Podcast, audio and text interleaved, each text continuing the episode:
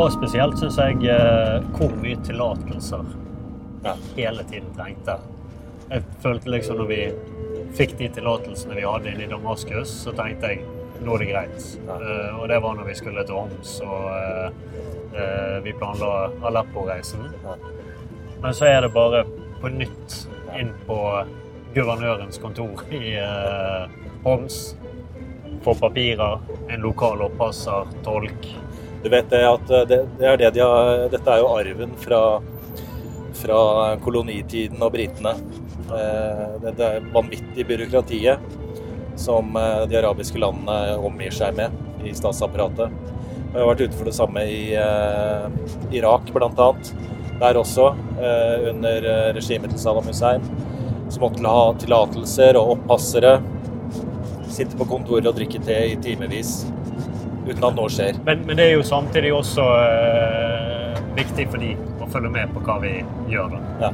Det å ha kontroll på hva journalistikk vi driver med, og hva journalistikk vi samler inn. De har ikke fulgt så mye med på det vi har sendt ut. Det har de ikke. Det har de ikke. Men eh, Nettopp fordi det, det er jo det som på en måte er eh, Det som regime, et regime skal gjøre, er jo å opprettholde lederen og apparatet. Og eh, på den måten så må de kontrollere alt som skjer når fremmede presse kommer. Men for meg så minner det veldig mye om reisene mine til Nord-Korea. Ja.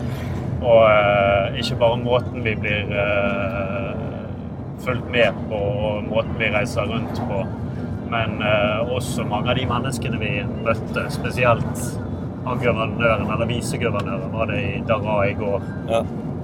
eh, som eh, hele tiden kommer disse hyllestene til den store lederen Bashar al-Assad.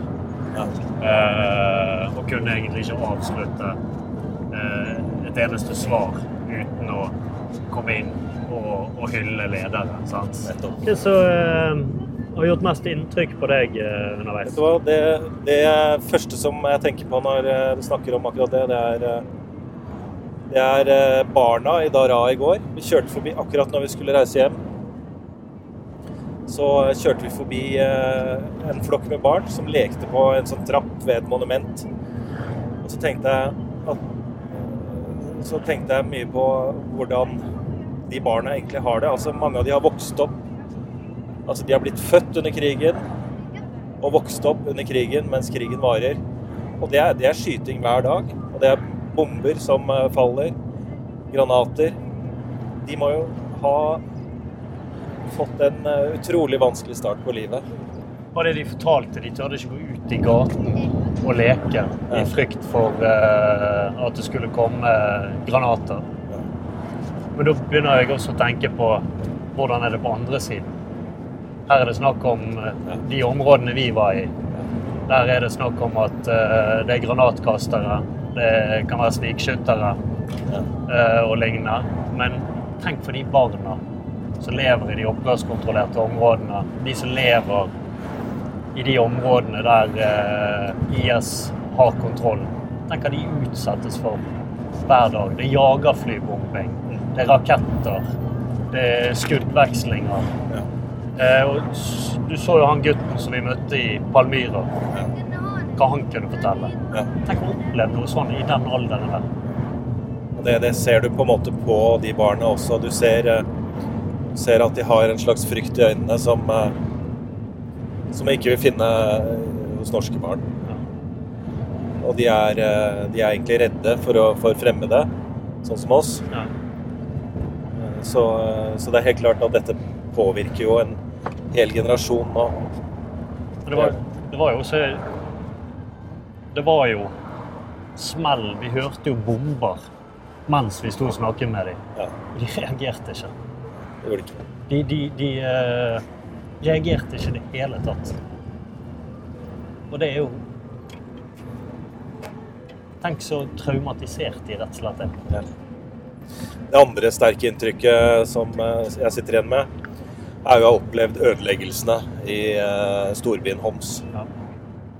Der vi eh, Først når vi kjører inn, så kommer vi jo inn i det som eh, antageligvis var en uberørt del av byen. og så krysser vi en linje, en gate, og så er bare alt knust. Mm. Det er hundre, hundrevis, kanskje tusenvis av bygninger som bare er eh, totalt ødelagt. Ja. Og i de ruinene så, så, så har nå noen begynt å vende tilbake for å starte opp livene sine igjen. Det det er ganske sterkt å, å se. Den oppgaven med å bygge opp en sånn by som er så ødelagt Og så må du tenke på Aleppo, Ja. som er ti ganger verre enn Homs. Ja. Og, og bare det å si, Krigen ser ikke ut til å slutte med det første. Det kan ta lang tid. Ja.